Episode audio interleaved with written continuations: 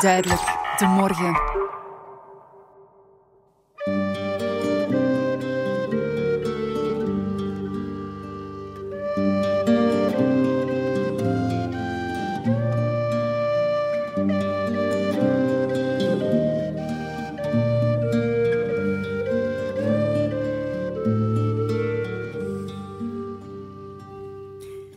Ben ik gelukkig? Doe ik graag wat ik doe? Ben ik tevreden met mijn leven zoals het loopt? Die vragen poppen geregeld op in mijn hoofd en met enige schroom moet ik bekennen dat het antwoord niet altijd zo positief is. Nee, ik ben niet zo gelukkig. En ik zeg het bewust met enige schroom, want ik heb objectief gezien geen reden om ongelukkig te zijn. Ik ben gezond, ik heb een goede job, ik krijg elke maand mijn loon, ik woon in een mooi appartement, ik heb goede vrienden, ik kom uit een warm nest en zo kan ik nog wel even doorgaan. En toch voel ik me soms niet zo gelukkig. Alsof ik voor een grote puzzel zit met heel veel puzzelstukjes die met wat goede wil mooi in elkaar passen, maar dat ene puzzelstukje om de puzzel compleet te maken ontbreekt. En ik weet ook niet wat dat ene puzzelstukje is, maar er is iets dat mijn geluk in de weg staat. Waarschijnlijk iets fundamenteels, want anders zou ik toch wel gelukkig zijn. Ik weet het niet. En zoals zo vaak vergelijk ik me met anderen en lijk ik veel gelukkige mensen rondom mij te zien. Zelfs mensen die het objectief minder goed stellen dan ik. En dan rijst weer de vraag: wat is er toch mis met mij? Waarom kan ik niet echt gelukkig zijn, terwijl anderen daar ogenschijnlijk wel in slagen? Of zijn anderen ook niet zo gelukkig? Ik zit opnieuw samen met psychotherapeut Wilfried van Kraan, die al heel wat mensen in zijn praktijk en zijn cursussen zag passeren en die mijn vraag misschien wel kan beantwoorden. Natuurlijk ben jij niet de enige. Hè? Uh, ik ben er ook zo eentje. En ik denk dat de meeste mensen zich daar sterk in zullen herkennen in wat je net komt te vertellen. Van we hebben alles en hoe komt dat we dan toch niet dat geluksgevoel hebben?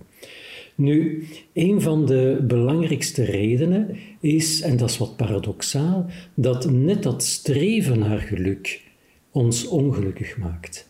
Geluk, ik ben daar ook niet zo'n voorstander van, is masturbatie geworden. Herinner je die term uit een van de vorige uitzendingen? Ja, toen must, we moeten zoveel. Voilà, ja. voilà, voilà. En dat is ook de teneur die nu aan geluk vasthangt, dat is dat we moeten gelukkig zijn. We hebben geluksfilosofen, we hebben gelukspsychologen. Geluk is marketing, want als je de nieuwe BMW X zoveel koopt, of de nieuwe iPhone koopt, of wat dan ook, telkens zijn er supergelukkige mensen die jou dat aanprijzen in hun marketing en in hun reclame. Dus ja, het hoort dat je gelukkig bent. Gelukkig is ook Gelukkig zijn is ook bijna prestige geworden. Je hoort gelukkig te zijn, want dan heb je het gemaakt. Een streefdoel bijna, ja, hè? Ja, een statussymbool. Het is echt een statussymbool geworden. Je hebt ook mensen die zich duidelijk manifesteren als zie eens hoe gelukkig dat ik ben, zie eens dat ik straal, ik lach de ganse tijd, wat dan wat overeenkomt met die plaatjes in de lifestyle magazines, maar ook in, in de media, op tv enzovoort, zie je dikwijls in bepaalde programma's, zodat mensen duidelijk gelukkig zijn. Tenminste, dat vertonen ze dan. Hè. En dan denk je, dat weet ik ook. En dan, dan denk je van, wat is er mis met mij? Wat is er mis met mij? Want iedereen lijkt gelukkig, behalve ik. En dat is zowat uh, het hele spijtige aan al dat geluksgedoe, dat het maakt dat we daar erg ongelukkig van worden. Ik ben dus lang niet de enige die zich ongelukkig voelt en zich afvraagt wat er toch mis is met mij, omdat ik het geluksgevoel niet kan bereiken. Wilfried had al een eerste reden aangehaald en dat was het musturberen. Door zoveel gelukkige plaatjes te zien in boekjes, op televisie en op sociale media, denken we dat we dat extreme geluk ook moeten bereiken. En dat gaat natuurlijk niet. Maar dan nog bleef ik met mijn waarom-vraag zitten. Want er zijn bijvoorbeeld veel mensen die het slechter hebben dan ik. Ik denk dan aan mensen in hongersnood of mensen die ongeneeslijk ziek zijn. Dat zij niet gelukkig zijn is te begrijpen, maar ik heb toch alles. Waarom kan ik dan toch niet gelukkig zijn? Er ligt al een van de antwoorden in uw vraag. Waarom is dat zo? En we hebben al in de vorige uitzendingen tamelijk uitgebreid gepraat over de impact van ons denken, van onze manier van kijken naar de dingen, dat dat sterk onze levenskwaliteit bepaalt. En dat is inderdaad ook zo met het geluk. Ik weet niet of het jou opgevallen is, Maite, maar in jouw intro van deze uitzending heb je verschillende keren waarom-vragen gesteld. Je hebt gezegd, waarom ben ik niet gelukkig waar dat ik alles heb? Waarom ben ik niet tevreden met mijn leven zoals het loopt? Wat is er toch mis met mij? Allemaal en vragen, je zei, hè? Ja. dat soort van vragen poppen regelmatig in mijn hoofd op. Ja. Ik denk, zolang dat die vragen in jouw hoofd oppoppen, als ik dat zo mag noemen, kan je onmogelijk gelukkig zijn. Omdat... ehm, Omdat ik mij dan druk opleg. het is zo dat je jezelf onder druk zet om het juiste antwoord te vinden op die vraag. En dat is heel goed, hè, dat je moeite doet om eh u af te vragen hoe komt dat, waarom is dat zo? Want stel dat er een antwoord is, ja, dan ga je daarmee rekening houden Ah en dan zou je gelukkiger eh, Ja. kunnen worden. Maar hoe lang in je leven vraag je dat al niet af, die waarom-vragen? Soms een leven lang. Ja, toch zodra je volwassen wordt en de Ja, puberteit doormaakt, is dat begin je die vragen Ja. te stellen. En je blijft jezelf die vragen stellen. Wat dus ook betekent dat er geen antwoord is. Of een onvoldoende antwoord. En dat we die vragen blijven stellen eh, als een soort van kleine masochistische foltering, want ze maken ons eigenlijk ongelukkig. En we blijven ons die vragen stellen omdat we denken dat we het antwoord nodig hebben om gelukkig te kunnen zijn. Ja. Ehm, wij denken dat we alles moeten kunnen verklaren, omdat verklaring voor de dingen zekerheid biedt. En het heeft veel te maken met die behoefte aan zekerheid. We kunnen moeilijk om met het feit dat grote existentiële vragen, die waarom-vragen, dat die niet beantwoord kunnen worden. En dat is ook de reden waarom er nog altijd boeken geschreven worden, films gemaakt worden, theaterstukken opgevoerd worden, filosofische werken ontstaan, nieuwe benaderingen in de psychologie en in de filosofie, van de oude Grieken tot nu, rond dezelfde waarom-vragen. Dus mocht dat antwoord er zijn dat jij jezelf ook zo vaak stelt, en ja, dan was het al lang geformuleerd geweest. Dus ik zou zeggen, kwel jezelf niet met dit soort van vragen. En ga je dan weer terug naar wat we ook in de voorgaande afleveringen hadden, ehm, de mindfulness van aanvaard gewoon dat er geen antwoord op is? Want dat is niet makkelijk, hè? dat weten we al. Hè? Nee, nee. De boeddhisten, eh, waar dat mindfulness op gebaseerd is, ehm, die hebben eigenlijk een hele simpele suggestie. Zij zeggen, don't ask. Don't ask, dus vraag het niet. ask. Stop met die vragen te stellen. En dat is dan acceptatie, hè? Ja, ja, maar dat is gemakkelijker dan accepteren dat je niet het juiste antwoord vindt. Don't ask betekent eigenlijk van het moment dat je eh, jezelf betrapt op het stellen van die vragen, dat je zegt van, oh, daar is weer die vraagsteller in ons. Hè? Ehm, daar hebben we hem weer. Maar je, je beschouwt hem van op een zekere afstand weer. Je valt er niet mee samen. Je, je beziet hem als iets wat dat passeert. Een lastig manneke of een lastig vrouwke die altijd maar vragen stelt. Hè? Ik zie hem grappig als Tony Corsari. Heb ik al dat liedje gezongen over de bananen van Tony Corsari in een uitzending? Je hebt daar Ik wel iets van gezegd, maar- Ik heb daar eens... En dat gaat zo, hè, van waarom zijn de bananen krom, waarom... En dat was in mijn jeugd een hit.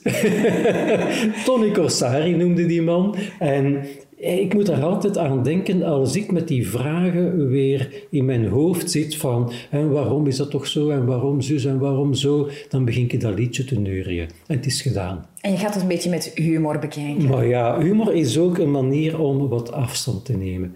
En het is iets wat we moeten leren, denk ik. Dat is dat er voor vele dingen geen antwoord is. Nee. En dat dat oké is.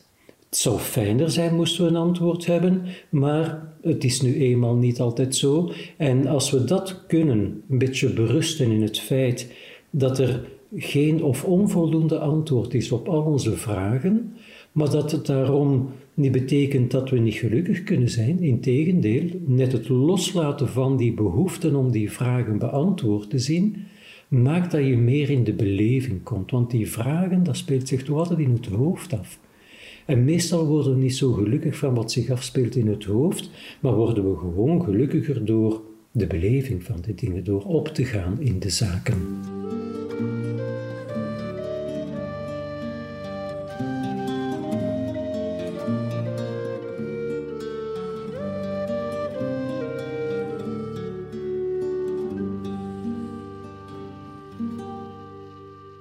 Daar was weer de insteek van de mindfulness die ik zeer nuttig, maar moeilijk vond. Ik begrijp dat er op veel vragen geen antwoord te vinden is en dat me dat alleen maar ongelukkiger maakt, maar om die vragen dan helemaal los te laten en te zeggen don't ask, dat vond ik echt niet evident. Het hoofd maakt ons inderdaad vaak niet gelukkig en toch heb ik het gevoel dat sommige mensen net wel met hun hoofd erin slagen om gelukkiger te zijn.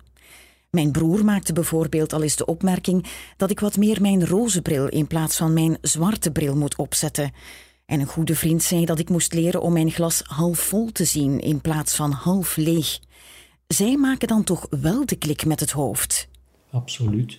Dat is een van de belangrijkste invalshoeken. Dat is die invalshoek van de cognitieve psychologie, die zegt van niet de dingen maken ons het leven lastig of maakt dat we ongelukkig zijn, maar onze perceptie van de dingen, onze manier van er naar te kijken.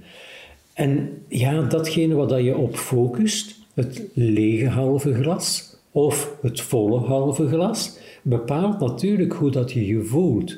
Eerder ongelukkig of eerder gelukkig. Dat hebben we al, denk ik, tamelijk uitgebreid besproken in de vorige afleveringen. Mhm.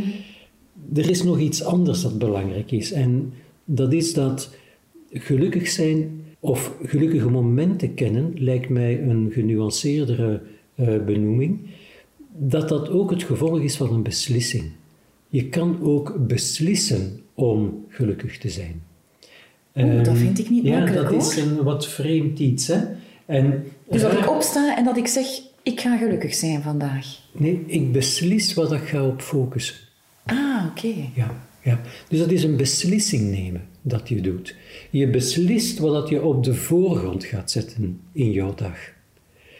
En vreemd genoeg, de illustraties die mij het meest getroffen hebben daaromtrent, de voorbeelden die ik vond, dat waren voorbeelden van mensen die hele akelige dingen hadden meegemaakt. Men denkt vaak van, ja, het is gemakkelijker van gelukkig te zijn wanneer dat je niet te veel akelige dingen hebt meegemaakt, wanneer dat je een makkelijker leven hebt gehad, gespaard bent gebleven van het onheil en het noodlot.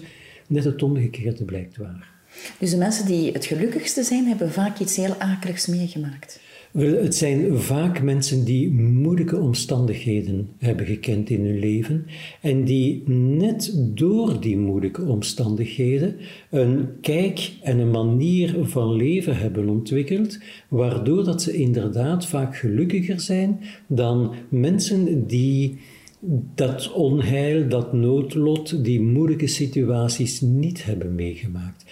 En daar raken we weer dat boeddhisme, dat hoe meer dat je het van het negatieve meemaakt, als je zo dualistisch wilt denken, hoe meer dat je ook dat positieve wint in jouw leven. Die twee zijn onlosmakelijk met elkaar verbonden. Dus hoe meer negativiteit je hebt ervaren, hoe bewuster je ook bent van wat positief is, omdat je die dualiteit nog meer voelt. Ja, als je, als je die beslissing neemt om daarop te focussen.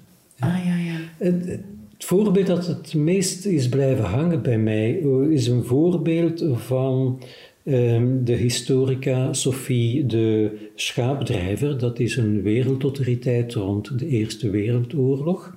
En ik las eens een interview met haar waarin dat ze het had over haar mama. En dat is nu een oudere vrouw, maar die op jonge leeftijd alleen kwam te staan midden in de oorlog met haar kinderen. En die had veel meegemaakt.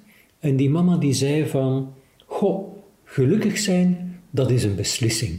Dat vond ik ontzettend krachtig eigenlijk. Eigenlijk vond ik dat heel boeiend om op die manier naar geluk te kijken.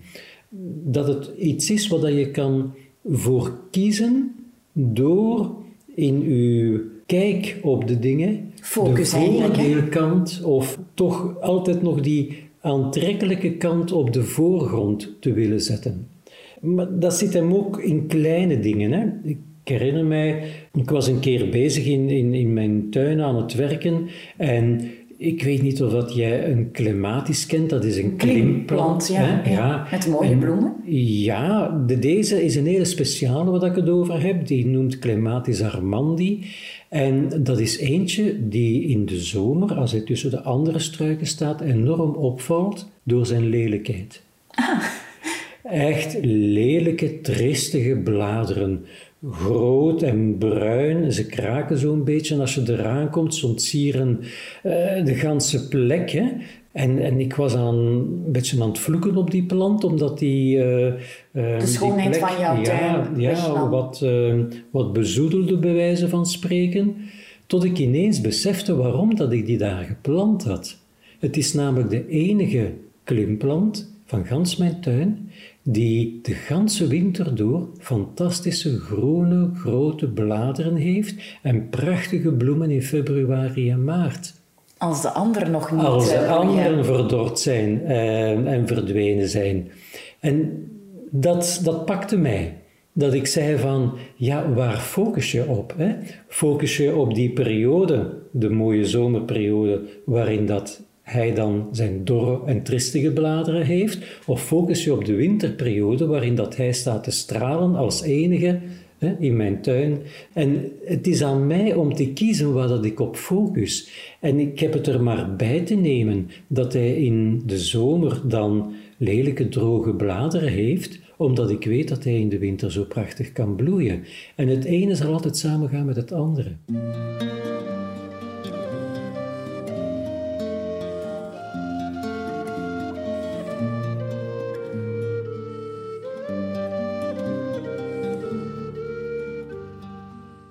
Het verhaal van de klimplant schetst perfect die dualiteit. Je hebt prachtige bloemen een hele winter lang, maar dan moet je er wel de lelijke bladeren bij nemen in de zomer. En oké, dat is dan een offer dat je graag maakt als je je focust op de mooie bloemen tijdens de winter. Ik moet dus effectief op zoek naar mijn roze bril en naar dat halfvolle glas. Maar hoe doe ik dat? Kan ik die positieve focus aanleren? Dat is ook weer wat training. Ik heb je al eens verteld dat je bijvoorbeeld in mindfulness leert om sneller bewust te worden van jouw denkgewoonten. Bijvoorbeeld hier is de denkgewoonte het focussen op het negatieve. Ja? Ja, ja, en dat negatieve zit altijd gekoppeld ook aan iets positiefs. Ja? Dat kan je van elkaar niet loskoppelen. Hè? Wij maken deze opname hier nu in, op een weekenddag. Ja? Nu, het is aan ons de uitdaging op te nemen om te focussen op de voordeelkant van deze situatie. Namelijk dat we op deze manier het rustig aan kunnen doen op een weekenddag. En dat we ergens rustig zitten. Geen dat stress we, Dat we geen stress hebben, dat is de voordeelkant. De nadeelkant is dat we op een zondag niet dingen kunnen doen die je misschien verwacht van een zondag, namelijk een wandeling maken met het gezin of gaan sporten of, of wat luieren. Ik moet plotseling aan mijn moeder denken, die zal zeggen: Het is altijd iets. En inderdaad, wat dat je op focust, daar kan je voor leren kiezen. Waar focus je dan op? Focus je dan op de nadeelkant? Want goh, ik zit hier nu weer die podcast op te nemen, terwijl het mooi weer is buiten. Ik had beter die wandeling gemaakt, enzovoort, enzovoort. Of focus je op die voordeelkant van wat prettig om hier in een ontspannen sfeer op een rustige dag die dingen te kunnen doen. Maar dan heb je het eigenlijk over bewustwording. Hè? Ja. Dat je het zo kan trainen door je eigenlijk bewust te worden van oké, deze situatie heeft twee zijden. Een beetje van op afstand ernaar kijken, wat we al vaak in de mindfulness uh, gehad hebben. En dat je dan zegt van ah ja, ik kies weg A en niet weg B, die negatief is. Maar zoals dat je zelf zegt, het begint bij het bewust worden van die neiging om het negatieve op de voorgrond te zetten. Ik denk niet dat we dat kunnen vermijden. Er is zo'n mooi Chinees spreekwoord dat zegt van je kan niet vermijden dat de vogels van het onheil boven jouw kop vliegen, maar je kan wel vermijden dat ze nesten maken in je haar. Ja, ja, dat is heel goed gezegd, ja. En eigenlijk um, wordt daarmee bedoeld van, je kan niet vermijden dat die negatieve kijk, dat die even naar omhoog borrelt, Want biologisch gezien is dat een heel natuurlijk en vroeger noodzakelijk iets om te overleven. Daar dat hebben we het al eens over gehad. Ook, dat hebben we bij angst gezien. Dus het is logisch dat je eerst naar het negatieve neigt te kijken. Maar van het moment dat je dat beseft, kan je je trainen in te kijken naar wat is de voordeelkant van deze situatie? En er zullen veel situaties zijn waarin dat mensen zeggen van ja, maar ik zie daar echt geen voordeelkant aan. Maar elke situatie is ook een leerproces. Bijvoorbeeld wat dat je leert is van om te gaan met die situatie. Dat maakt jou vaak, niet altijd, sterker. En wat dat je ook merkt als voordeelkant is dat je meer empathie krijgt. Dat je meer empathie krijgt voor wat mensen kunnen meemaken. En dat je daardoor ook een veel dichter en betrokkener contact kunt hebben met anderen. De positieve focus is dus aan te leren, maar het is onvermijdelijk dat de negatieve focus altijd eerst, bijna als een automatisme, opborrelt. Maar dan is het de kunst om je daar bewust van te zijn, afstand te nemen van die gedachten en op zoek te gaan naar de positieve kant. Het zorgt er zelfs voor dat je betrokkenheid en empathie toeneemt. Ik vroeg me af of er ook zoiets bestaat als gelukspijlers, dus fundamentele dingen die goed moeten zitten in je leven om gelukkig te kunnen zijn. Eigenlijk een soort van voorwaarde. Bijvoorbeeld dat je gezond moet zijn, dat je werk moet hebben en dat je relaties goed moeten zitten. En als die drie pijlers oké zijn, dat je dan gelukkig bent. Maar is dat ook zo? Kijk, sta me toe van daar met een praktijkvoorbeeld op te antwoorden. Anders blijft het maar theorieën. Hè? En ik moet daarbij denken aan George Monbiot. George Monbiot is um, een wetenschapsjournalist van de BBC. En uh, op een bepaald moment, als een bliksem bij klaarheldere hemel, krijgt hij de diagnose van ernstige kanker. Ernstige prostaatkanker. Hè? En dat was voor hem op het eerste zicht dubbel zo erg, want het was een man die, die supergezond leefde. Hè? Die lette op zijn voeding, die veel aan sport deed, uh, niet rookte, niet te veel dronk. Eigenlijk ook een man die zijn stress goed onder controle had, omdat hij dingen deed die hij graag deed enzovoort. Dus het was echt, echt een donderslag bij klaarheldere hemel. Maar het was ook zeer ernstig. En hij zegt, en toch, en toch ben ik gelukkig. Ja, Heel raar, hè? En hij zegt, ik ben zelfs gelukkiger dan voor mijn diagnose. Oei, wat heeft hij daarvoor gedaan? Ja, ja, dan kun je je afvragen van, allee, hoe kan dat nu? En hij legt dat uit met drie principes die hij toepast. En die volgens mij toch tamelijk cruciaal zijn voor een gelukkig leven. Het eerste is het belangrijkste. En hij zegt, stel je voor hoeveel erger het zou kunnen zijn in plaats van hoeveel beter het zou kunnen zijn. Als ze prostaatkanker vinden, zegt hij, dan wordt dat geïndexeerd op een score, dan wordt dat op een uh, meter of schaal geplaatst en dat noemt men de Gleason score. En die meet de agressiviteit van die ziekte. Hoe ernstig het eigenlijk ja. is. En bij hem was dat 7 op 10. Nou, dat is dus behoorlijk. behoorlijk hè? Maar hij zegt, maar die 7 op 10, dat vertelt mij niet waar ik in het algemeen sta. Vertelt alleen iets over die prostaatkanker. Ja. Dat maar een stukje is van mij. Ja? En hij zegt, ik heb een andere schaal nodig om de ernst van mijn toestand te meten. En dus heb ik er een bedacht en hij noemt die de rottigheidsscore. Ah, meen je dat? Rottigheidsscore? Ja. ja.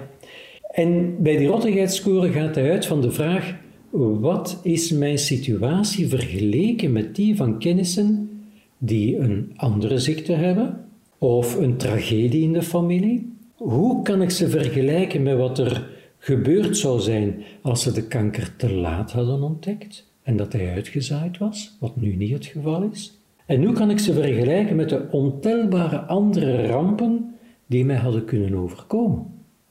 Ja, ja, ja.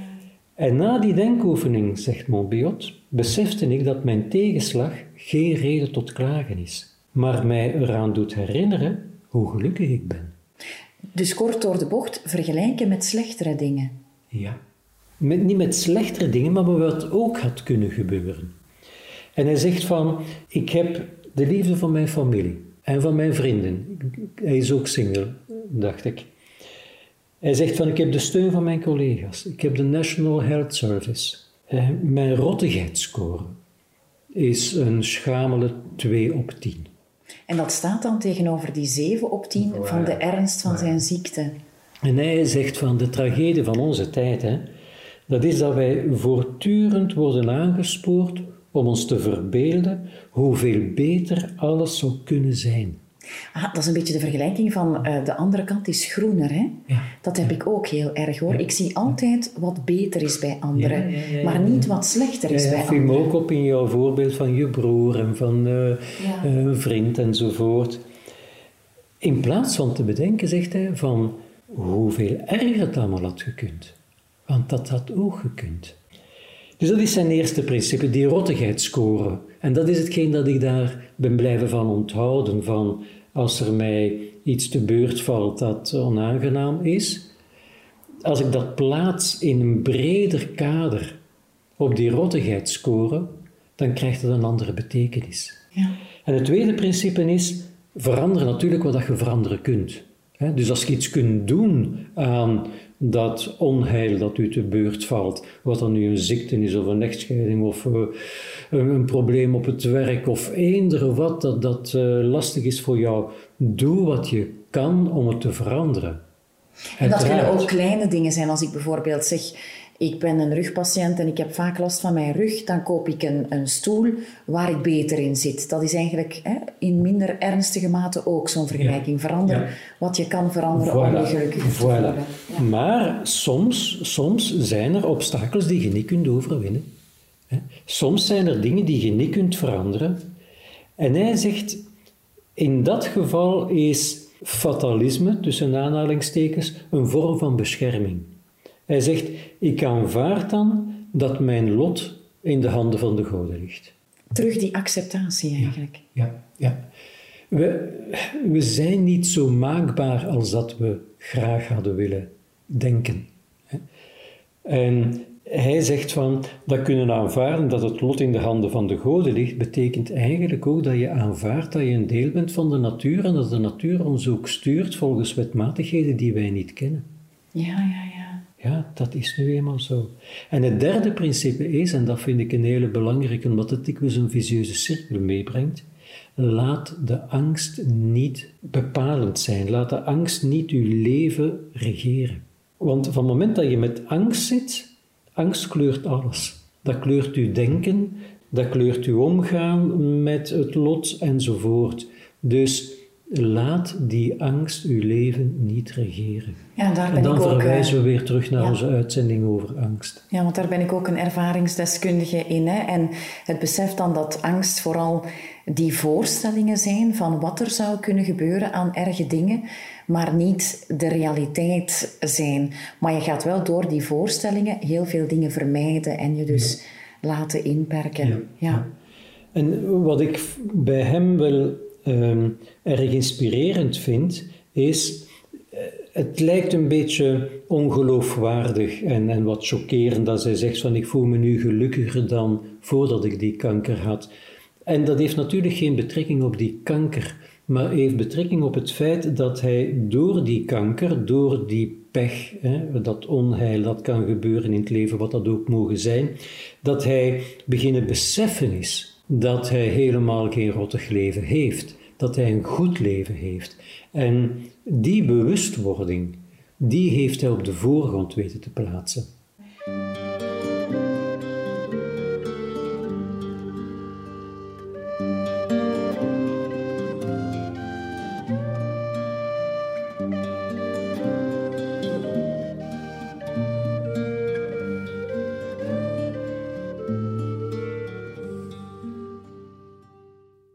Principes van George Monbiot vormen samen een goed hulpmiddel om anders naar je geluk te kijken. Er is die rottigheidsschaal, namelijk hoeveel erger het zou kunnen zijn, in plaats van hoeveel beter. Het tweede principe neigt wat naar de mindfulness. Verander wat je kan veranderen, maar aanvaard ook wat niet te veranderen is. En dan is er het derde principe, de angst. Die speelt mij misschien nog wel het meeste parten.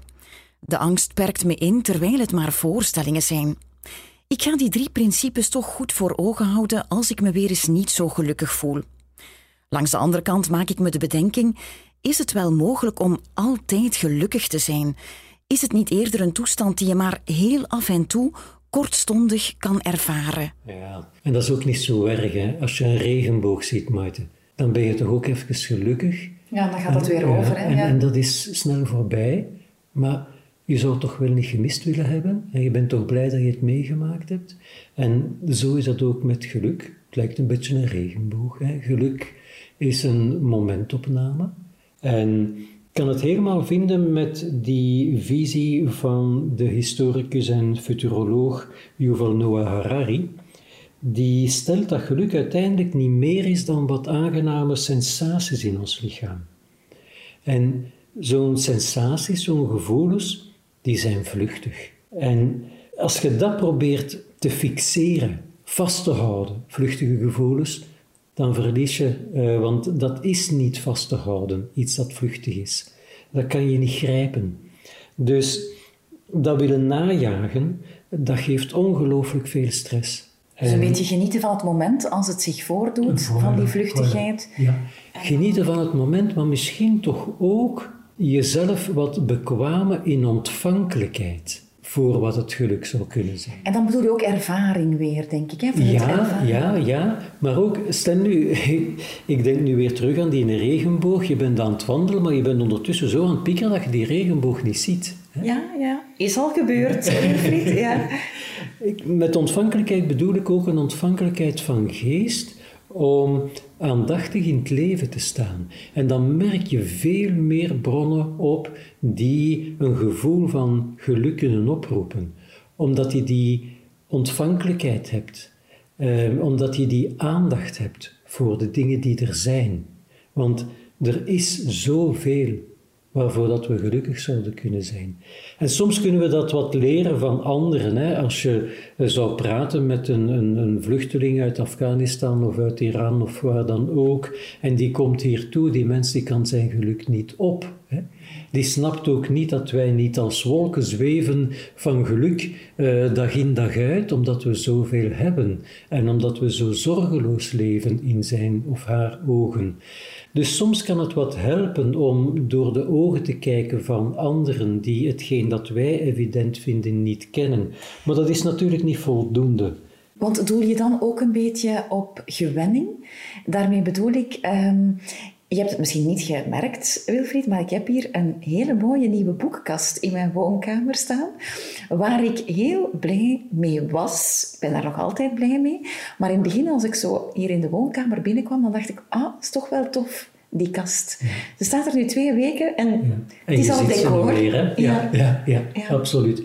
Het doet mij denken aan een anekdote uit uh, het werk van Proust. De ik-figuur, voor een deel Marcel Proust, is als jonge gast um, betoverd door Gilberte.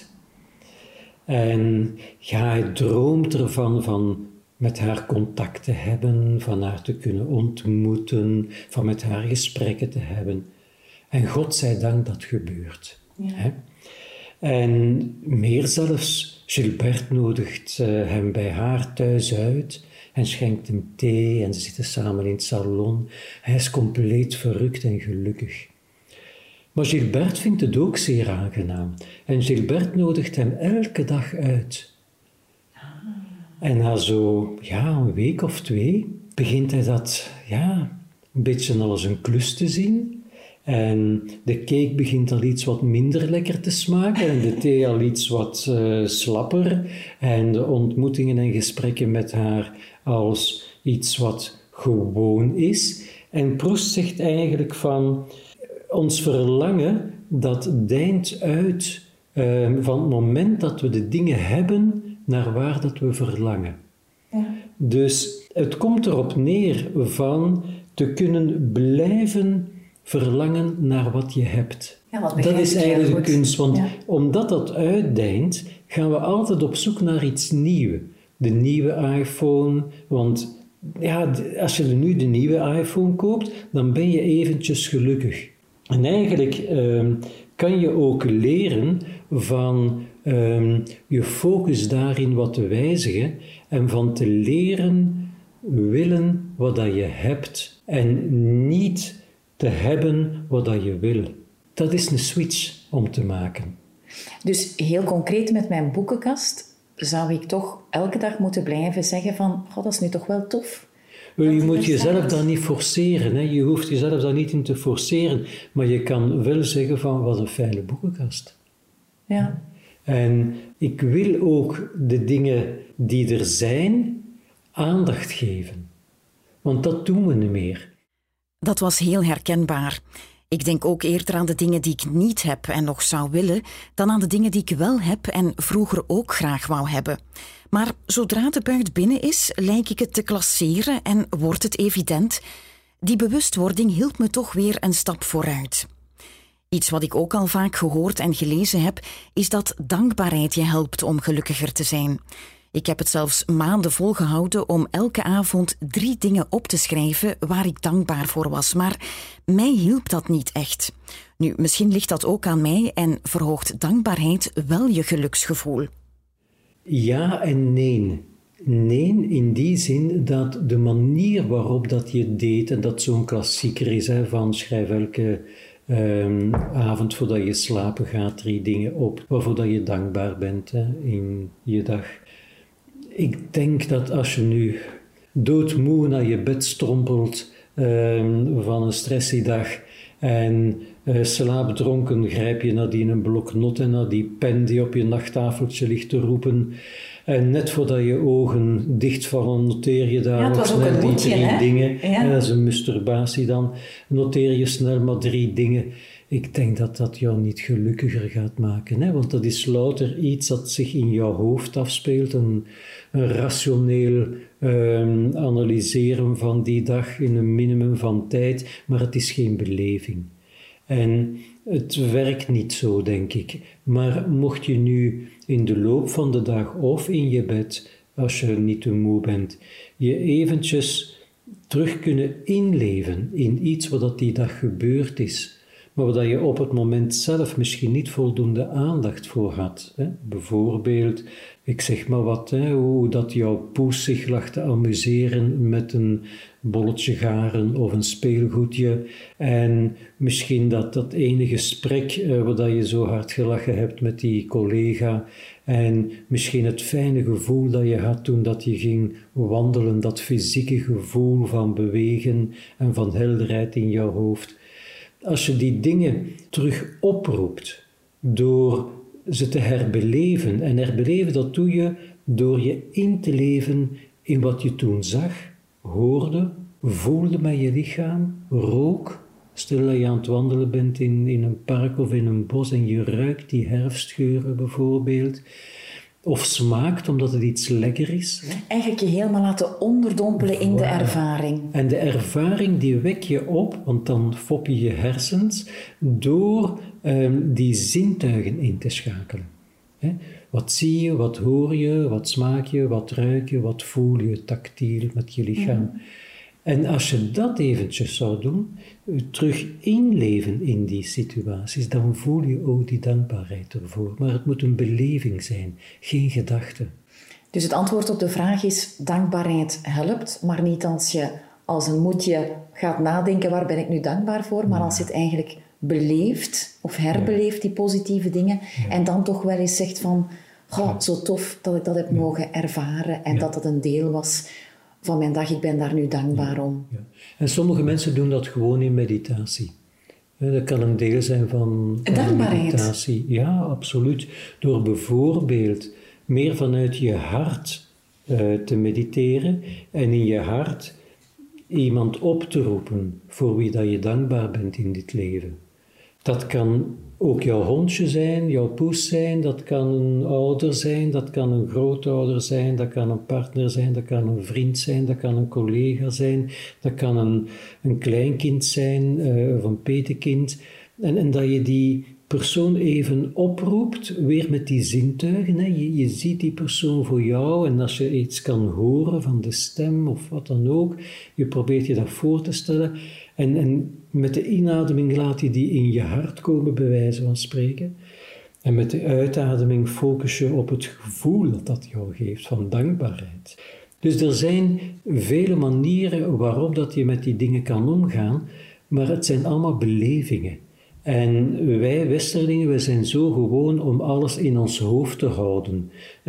Bijvoorbeeld, als dat je zegt, snel drie dingen opschrijven. Maar zo werkt het niet.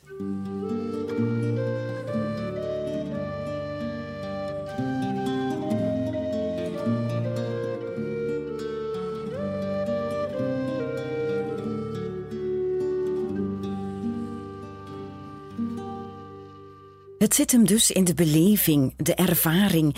En dat bracht me weer bij die focus.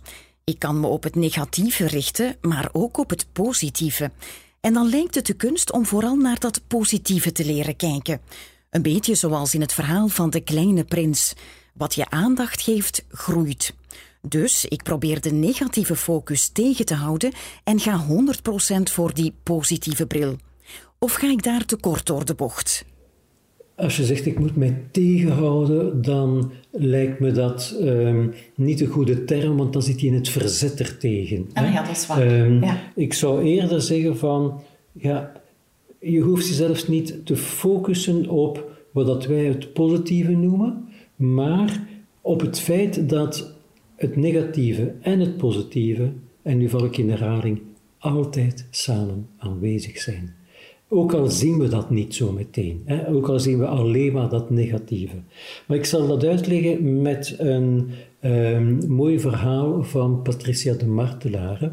Patricia de Martelare was voor mij een de meest, van de meest inspirerende filosofen die we hadden. Ze is helaas jong overleden. En zij vergelijkt de liefde voor het leven met een verliefdheid. Ja. Een verliefdheid op een persoon ja, wat daar eigen aan is, is, men zegt dat ook dikwijls, hè, eh, men is blind uh, van liefde of blind van verliefdheid. Um, tijdens die verliefdheidsfase zijn we blind voor de verschillen. En we zien niet de mankementen van de ander, we verbloemen die. Nee, want ik ben aan het denken, als je verliefd bent, dan lukt het eigenlijk altijd wel heel goed om positief te positief zijn. Positief te zijn, hè? Dus veel verliefd worden is een van de goede recepten, maar je moet ook niet overdrijven. maar om even terug te gaan naar die filosofie, zij past eigenlijk diezelfde beeldspraak toe op onze relatie met het leven. Het is alsof dat we um, ook in het begin verliefd zijn op het leven, dat we de verschillen tussen wat wij denken dat het leven zou moeten zijn en de realiteit, dat we die niet zien, hè, zoals dat we ook dat niet zien bij die persoon waar we verliefd op zijn. Hè. We, we, zien niet dat hij uh, zijn kousen uh, overal laat rondslingeren en, en, we zien niet dat hij kan zagen en neuten op bepaalde gebieden. Dat wordt allemaal verbloemd door onze verliefdheid en in het leven zien we ook niet dat wat dat wij verwachten ervan en de realiteit, dat dat wat zou verschillen van elkaar. Nee, dat valt allemaal mooi samen. Het is een waan. Hè. En het is maar met de tijd dat je merkt van, oh, oh, net zoals dat je ook merkt bij die partner, oh, oh, je zit toch niet zo in elkaar zoals ik had gedacht, hè? En amai, die is toch wel anders. En dat begin je ook te merken met het leven. Van, tja, ik had gedacht dat als ik wat aan sport deed, dat ik dan een lichaam zou hebben dat nooit klaagt en, en, en uh, problemen veroorzaakt. Maar tja, dat is niet zo. En oh, in mijn relatie um, loopt het toch niet zoals ik had gedacht en in mijn werk eigenlijk ook niet. En geleidelijk aan zie je die verschillen met het plaatje dat je oorspronkelijk had, alsmaar groter worden. Dat is ook die kloof waar we het al eens over gehad hebben. Waar we het al vaker over gehad hebben. En als mensen in een uh, verliefdheidsrelatie of een liefdesrelatie dan ondertussen um, merken dat um, de ander toch helemaal anders is dan men had gedacht, dan zit de kans erin dat men bijvoorbeeld vreemd gaat. Hè? Ja. Dus dat men elders gaat. En dat doen wij met onze relatie met het leven ook. We gaan ook vreemd. En hoe moet ik dat ja, uitleggen? Kan je ja. ja. Waar speelt het leven zich af? In het nu, in het huidige moment. Het leven is per definitie altijd nu. Is nooit daarnet, is nooit straks. Ja. En wij plegen overspel als het leven ons niet meer aanstaat, omdat het niet klopt met het plaatje dat we ervan hebben. Wij plegen overspel door weg te gaan. We gaan ook weg. Maar we gaan naar de toekomst en we gaan naar het verleden. Van toen was het beter, bijvoorbeeld. Toen was het beter. En ik ga misschien uh, dit doen en dat doen. En, en je begint in, in de toekomst te gaan denken de hele tijd. En je een ideaal plaatje voor te stellen van wat in de toekomst zou kunnen zijn, op een ander werk, in een andere relatie enzovoort enzovoort. En je begint dingen op te halen vanuit het verleden. Oh, wat was het toen toch goed en wat was het toen toch uh, allemaal in orde. En eigenlijk zit je nog heel weinig in het nu. En eigenlijk is het de kunst, zegt Patricia de Martelare, om terug te keren naar het nu, waar dat het leven zich afspeelt. En waar dat het zich afspeelt op een manier dat we niet gedacht hadden, met tekortkomingen en met ja, onprettige kanten, het leven zoals het ons toevalt. En, en niet zo mooi als dat plaatje, met positieve dingen en negatieve dingen. En eigenlijk nodigt zij ons uit om die dag in, in dat huidig moment te plukken. Pluk die dag, maar niet alleen als het een roos is, maar ook als het een distel is. En dat is de kunst, denk ik, om gelukkiger in het leven te kunnen staan. Dat is aanvaarden dat er zowel distels als rozen in onze levenstuin uh, zitten en dat we ze allebei moeten leren omarmen. Doordat wij altijd in het gevecht zitten van die distels moeten weg, die distels moeten weg. En daardoor genieten we niet meer van het leven, zijn we ook niet gelukkig, omdat die distels toch altijd sterker zijn dan wij en altijd zullen terugkomen. Maar er zijn ook die rozen weer. En dat is wat dat de martelaar noemt de radicale liefde voor het heden. Hoe dit heden ook mogen zijn, omdat het het enige is wat er is. En probeer dan toch ook de rozen te zien, hè? Absoluut, dus absoluut. de twee, hè? De, twee, hè? de twee zijn onlosmakelijk met elkaar verbonden. Ik herinner mij mijn leermeester uh, Thich Nhat Hanh. Boeddhisme was, zitten we dan. Ja, dan zitten we terug weer in de mindfulness. Die zei altijd, no mud, no flower. Het, dit is de stinkende mest die eigenlijk maakt dat we prachtige bloemen hebben. Ja, ja, ja, ja, ja. En dat zien wij moeilijk. En zij noemen dat non-dualiteit. Wij proberen die van elkaar te scheiden. Het positieve en het negatieve. Een tuin alleen met rozen en geen distels. Maar in het leven zelf lukt dat niet altijd zo. En zo was de cirkel rond. Geen mooie rozen zonder stinkende mest. Geen mooie tuin zonder distels. Het positieve kan niet zonder het negatieve en dat moeten we aanvaarden. We mogen best verliefd zijn op het leven, maar dan gaan we voor de package deal met de ups en de onvermijdelijke downs. Leven in het nu is daarbij een belangrijke sleutel, maar ook dat is makkelijker gezegd dan gedaan. Wilfried had daarvoor nog een goede tip. Genieten maar van kleine dingen van nu zijn. sobere dingen soms. Um, en soms is wat minder sober, maar die je niet te ver moet zoeken, die ook niet materialistisch zijn, die ook niet te, moeten, ook niet te duur zijn. Eigenlijk een beetje zoals dat de epicuristen en de hedonisten, de oude Grieken die het genieten als de manier uh, formuleerden van gelukkig in het leven te staan. Um, misschien moeten we ons daar wat meer door laten inspireren.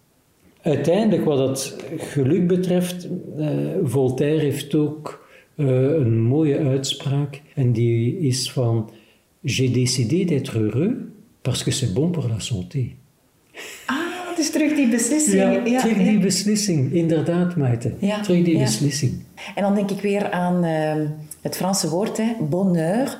Het is eigenlijk maar een goed uurtje, hè? Het is maar een goed uurtje. De Fransen zijn er veel wijzer in dan wij. Genieten, dat is iets wat snel komt en snel voorbij gaat en dat je niet moet proberen vast te houden. En dat is maximum een uurtje. Bon heure. Prima, Wilfried. Dan wil ik jou graag eh, bedanken voor de leuke opnames en afleveringen die we mhm. tot nu toe hebben gehad. Ehm, ik ben blij dat ik opnieuw mag concluderen dat er niks mis is met mij. Hè? Dat heb jij wel duidelijk gemaakt. Hè? Ja, en goh, Maite, Of dat het nu gaat over geluk of over angst of over piekeren of slecht slapen of een van die andere thema's die we hebben aangehaald. En die zouden kunnen leiden tot die keizer van de piekervragen: wat is er mis met mij, zoals dat jij dat altijd zo mooi geformuleerd hebt. Weet, het is allemaal des mensen. En dat vind ik zo fijn aan deze podcast, dat we die boodschap kunnen meegeven van luisteraar, je bent niet de enige. Ja, dat, is voor mij, dat was voor mij ook heel belangrijk. Ik heb mij heel lang alleen gevoeld mhm. met al die ja, emoties en gedachten. Ja, En het is soms prettig van je te kunnen inschrijven in een groter geheel. In de verbinding die je kunt hebben met mensen die iets gelijkaardig meemaken. Van de Flintstones tot nu, hè, Maite, zijn er miljarden mensen geweest die zich hebben afgevraagd: wat is er mis met mij? Toch? En die piekerden en die moeilijk konden slapen en die angstig waren en die onzeker waren en die konden loslaten en die ongelukkig waren terwijl ze alles hadden.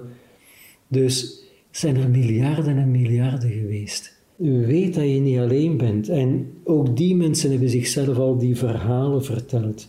En ze hebben ook dat allemaal gevoeld wat wij het over hadden. Dus denk niet van ik ben hier alleen mee. Met mij klopt er iets niet. Miljarden mensen zijn nu vooraf gegaan. En wat we besproken hebben, het is des mensen. Hè? Het ligt niet aan jou. Je kan het misschien niet allemaal oplossen en er is niet voor alles een antwoord, maar je kan het wel naar buiten brengen. Je kan het delen met iemand, zodat ook zij, net als jij, kunt zeggen van, oh, dat is des mensen. En ik ben niet alleen. Ja, en ik ben niet alleen. Dat is een belangrijke, hè? Absoluut. Dat vind ik heel fijne woorden om mee af te ronden. Dankjewel, Wilfried. Heel hartelijk dank, Maite.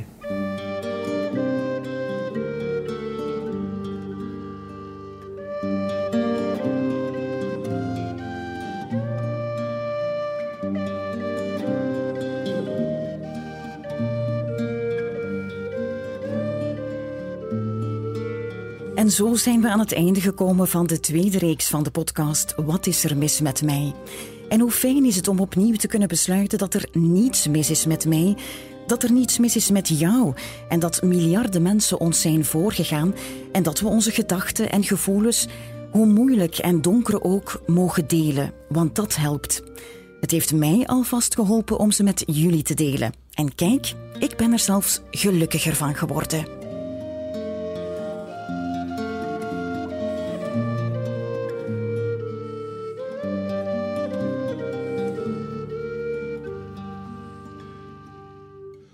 Dit was de laatste aflevering van de tweede reeks van de podcast Wat is er mis met mij? Grote dank gaat uit naar psychotherapeut Wilfried van Kraan, die mij het pad van mijn gedachten, kronkels en tunnels heeft bewandeld om het telkens weer met de glimlach gerust te stellen en de juiste weg te wijzen.